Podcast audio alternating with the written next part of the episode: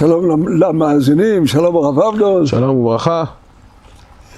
אה, הרב עבדון, אנחנו בפרשת וישב, באמת אה, סיפור אה, מרתק מאוד על יוסף או על בעל החלומות, סיפור רצוף שמתחיל ממכירת יוסף ועובר ליוסף בבית פוטיפר, ועם אשת פוטיפר, ממשיך ליוסף בבית הסוהר, עם שר המשקים ועם שר האופים. ולא יודע, באמצע כאילו אה, תקוע, כאילו במקרה, כאילו מתוך איזשהו חוסר סדר, איזשהו סיפור על יהודה ותמר שנראה על פניו ולא משתלב. מה הוא עושה כאן באמצע הסיפור הרצוף והמעניין על יוסף? כן, מה גם שהוא משתרע על פני אה, שנים רבות, אה, הסיפור הזה, של אה, יהודה מתחתן, יולד בן, עוד בן, מת, מתים הבנים, תמר מחכה שנים עד שיגדל, כל הסיפור הזה הוא סיפור ארוך מאוד, שממש קוטע את הרצף. דומני שיש קשר הדוק בין סיפור מכירת יוסף לסיפור יהודה ותמר, והמוקד הוא בדמותו של יהודה. כשאפשר לומר יהודה עובר פה תהליך מאוד משמעותי בפרשה שלנו. אם נדבר על חלקו של יהודה במכירת יוסף, אז יש נקודה שמאוד בולטת. בעוד שראובן באמת מנסה להציל את אה, יוסף, יהודה אומר, מה בצע כי נהרוג את אחינו וכיסינו את דמו, ואנחנו מצפים שהוא יגיד, אה, אז בואו באמת נחזיר אותו הביתה. במקום זה הוא אומר, לכו ונמכרנו לישמעאלים וידינו אל תהי בו.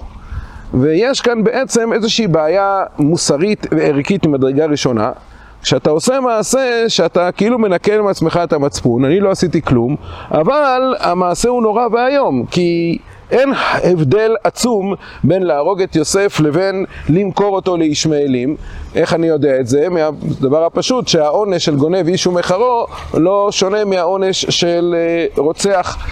שנית, גם מבחינת אה, יעקב, הרי הפגיעה היא לא רק ביוסף, היא פגיעה ביעקב, והתכנון המקורי של האחים היה להגיד, נחו ונשליכנו באחד הבורות ואמרנו חיה רעה חלטו, והנה בדיוק אה, כשבאים האחים ליוסף, אז ליעקב יעקב, אז יעקב אה, אומר, אה, אה, קנון את בני, חיה רעה חלטו. זאת אומרת, מבחינת יעקב, להרוג אותו או לשלוח אותו לעבדות במצרים, זה בדיוק היה אותו דבר. אבל הבעיה המוסרית שיש כאן זה ההתחפרות במין נקיות כזאת, מה בצע כי נהרוג את אחינו. אחר כך אותו דבר גם האחים עושים, כשמביאים את הכותונת לאביהם, הם אומרים לו, הכר נא הכתונת בנך היא אם לא.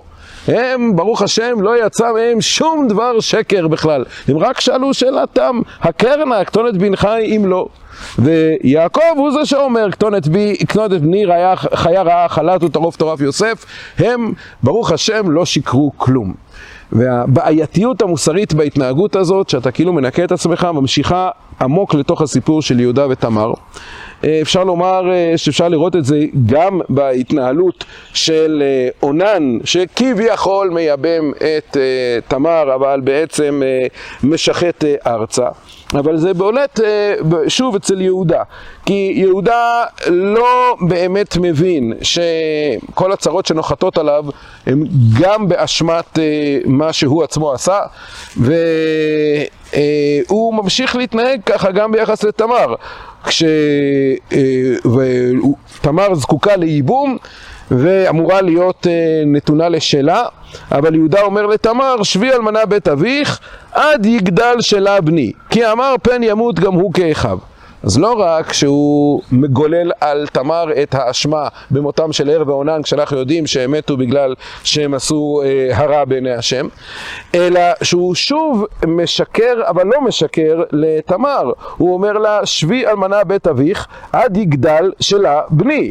עכשיו, הוא לא באמת מתכוון למה שהוא אומר, כי אחר כך כתוב, כי ראתה כי גדל שלה, והיא לא ניתנה לו לאישה. שבי אלמנה בית אביך, עד יגדל שלה בני. וכשהוא יגדל, אז תמשיכי לשבת אלמנה. אבל השיטה הזאת של אה, כאילו לא להגיד שום אה, שקר, אבל בעצם בהתנהלות אה, להתנהל בצורה מאוד מאוד בעייתית מבחינה מוסרית, זאת הבעיה הערכית שקשורה לשני הסיפורים. והתיקון הגדול של יהודה הוא כשתמר בדיוק בנקודה הזאת אה, תופסת אותו ואומרת לו, הכר נא למי החותמת והפתילים והמטה האלה. אז כמובן הלשון הכר נא מחזירה אותנו להכר נא כתונת בנך אם לא, אבל זה לא רק העניין הלשוני, זה גם הרעיון של גם פה הכר נא למי החותמת והפתילים והמטה האלה. אה, הוא יכול היה אה, להגיד, מוכר לי מאיזשהו מקום ובזה לסיים.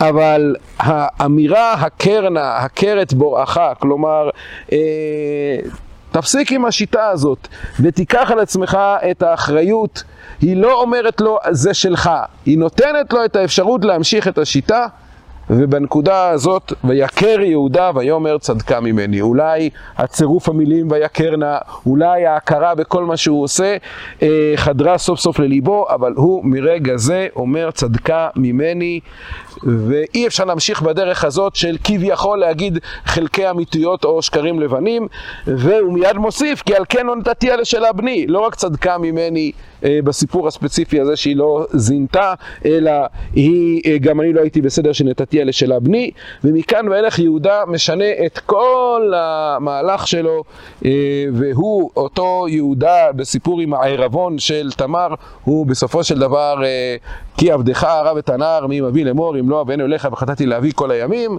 ישב נא עבדך תחת הנער עבד לאדוני. התשובה והתיקון של אה, יהודה הם באמת אה, האמירה נגד הדרך הזאת שלפעמים אנשים אה, נופלים בה, שאם אני לא אומר שקר בפועל אז אני יוצא נקי. אני חושב שזה המסר החשוב מהצמדה של סיפור יהודה ותמר לסיפור מכירת יוסף. יפה מאוד. אני רוצה להגיד קודם כל שתי הערות על מה שאמרת, ועוד הערה קטנה נוספת. אה, קודם כל, אה, לגבי סמיכות הפרשיות, אני חושב שהדבר האחד ביותר זה נושא שכל כך חשוב בתורה, חטא ועונשו. על מכירת יוסף יהודה נידון במות אשתו ושני בניו ובעצם באובדן המשפחה. איך אני יודע בבירור שמות ער ועונן זה על מכירת יוסף?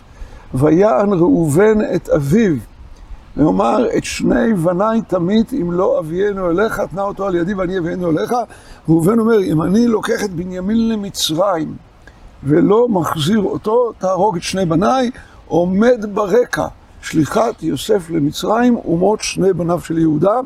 אני חושב שגם הדבר הזה מצטרף לדברים החשובים והיפים שלך. אני רק אדייק עוד יותר, כי לראובן יש בעצם ארבעה בנים, והוא אומר את שני בניי תמיד, לא... כן. אמת ויציב. הדבר הנוסף, והוא יותר אה, פשטני ויותר יבש, אבל לדעתי חשוב. אה, רש"י וכל המפרשים מתחבטים אה, בתחילת הפרשה אלה תולדות יעקב. היינו מצפים שנרשום ראובן, שמעון, לוי ויהודה וכולי, והתורה מתחילה לספר סיפורים, באמת, בגלל זה אומר אבן עזרא, אלה תולדות, מי יודע מה ילד יום, כלומר, אלה קורות יעקב. אבל הפשט בכל ספר בראשית, אחת עשרה פעמים מופיע הביטוי אלה תולדות או דומיו, ותמיד זאת רשימת הבנים. אני חושב שמה שנאמר כאן, אלה תולדות יעקב, יוסף ויהודה. השניים האלה, יוסף ויהודה. לאורך כל המקרא ניתן לראות, בעיקר בספר יהושע בנחלות, שני הבנים, עמודי השדרה. כן, יש כאן חיה עם שתי שדראות, כמו שנאמר. שני הבנים שהם עמודי השדרה זה יוסף ויהודה. אלה תולדות יעקב, כך מתגלגל יוסף לשאת גם כן אישה בנכר ולהוליד שני בנים, ויהודה מתגלגל לנכר, הדולם כאן זה הנכר, נושא אישה ומוליד שני בנים, ואם כן, אלה תולדות יעקב, יוסף ויהודה, ואלה תולדותיהם.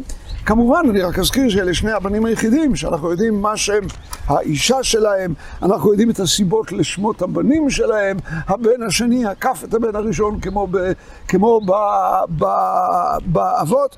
זאת הערה שנייה.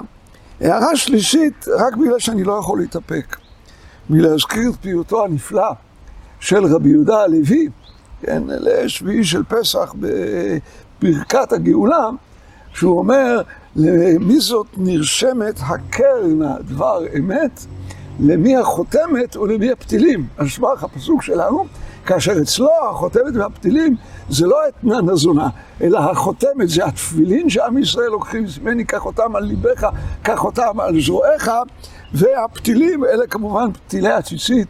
אומר המשורר רבי יהודה הלוי לפני הקדוש ברוך הוא, תראה אותנו עטורים בתפילין, עטופים בטלית, תכיר לנו דבר אמת ותגאל אותנו. אמן. שבת שלום ומבורך.